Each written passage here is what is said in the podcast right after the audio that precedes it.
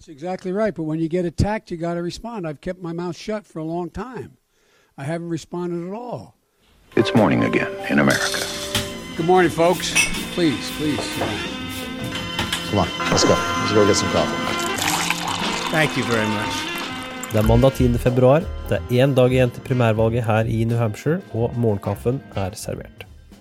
Jeg sitter på et hotellrom i Exeter, New Hampshire, og har tilbrakt helgen med presidentkandidater fra valgkampstopp til valgkampstopp. Det hører du mer om på patreon.com ampol, der jeg legger ut daglige valgkampdagbøker som reportasjer som du kan høre. Ta turen dit, så kan du høre mer om det. Dagens hovedsak det spisser seg til mellom Joe Biden og Pete Buttigieg. Det er da en ny reklame fra Biden-kampanjen som har bidratt til å skjerpe tonen mellom den tidligere visepresidenten og den tidligere South Bend-borgermesteren. Joe Biden helped to negotiate the Iran deal. And under threat of disappearing pets, Buttigieg negotiated lighter licensing regulations on pet chip scanners. Both Vice President Biden and former Mayor Pete have helped shape our economy. Joe Biden helped save the auto industry, which revitalized the economy of the Midwest and led the passage and implementation of the Recovery Act, saving our economy from a depression. Pete Buttigieg revitalized the sidewalks of downtown South Bend by laying out decorative brick. What's your response?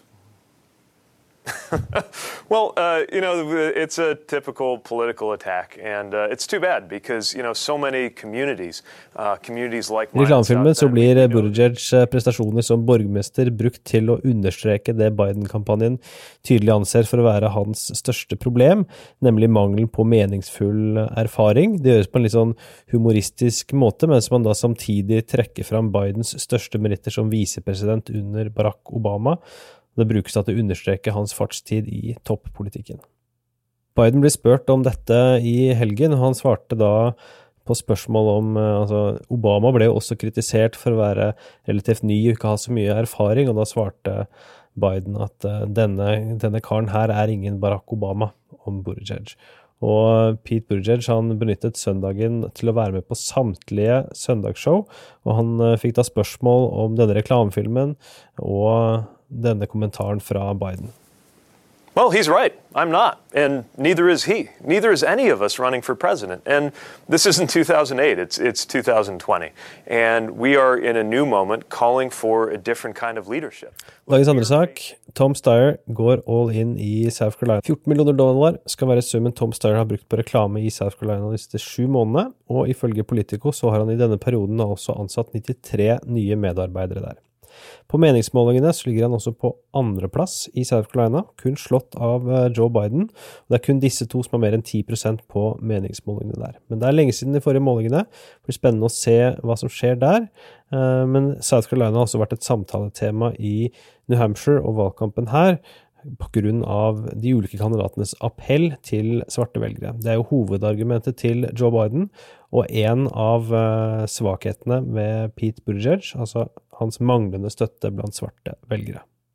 Dagens tredje sak. Joe Biden han har også angrepet Bernie Sanders, som er favoritt her i New Hampshire.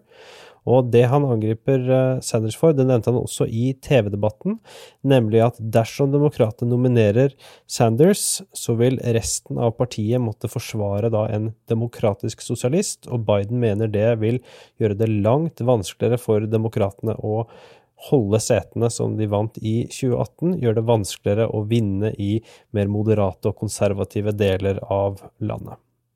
Dagens utgave av Morgenkaffen er servert av Henrik Skotte og undertegnede Are Togoflaten. Du abonnerer ved å gå til ampol.no kaffen, og som nevnt, dersom du ønsker valgkampdagbøker fra New Hampshire og tilgang for en hel måned for kun tre dollar, ta turen til patron.com ampol så kan du høre hvordan det er å følge valgkampen på nært hold her borte.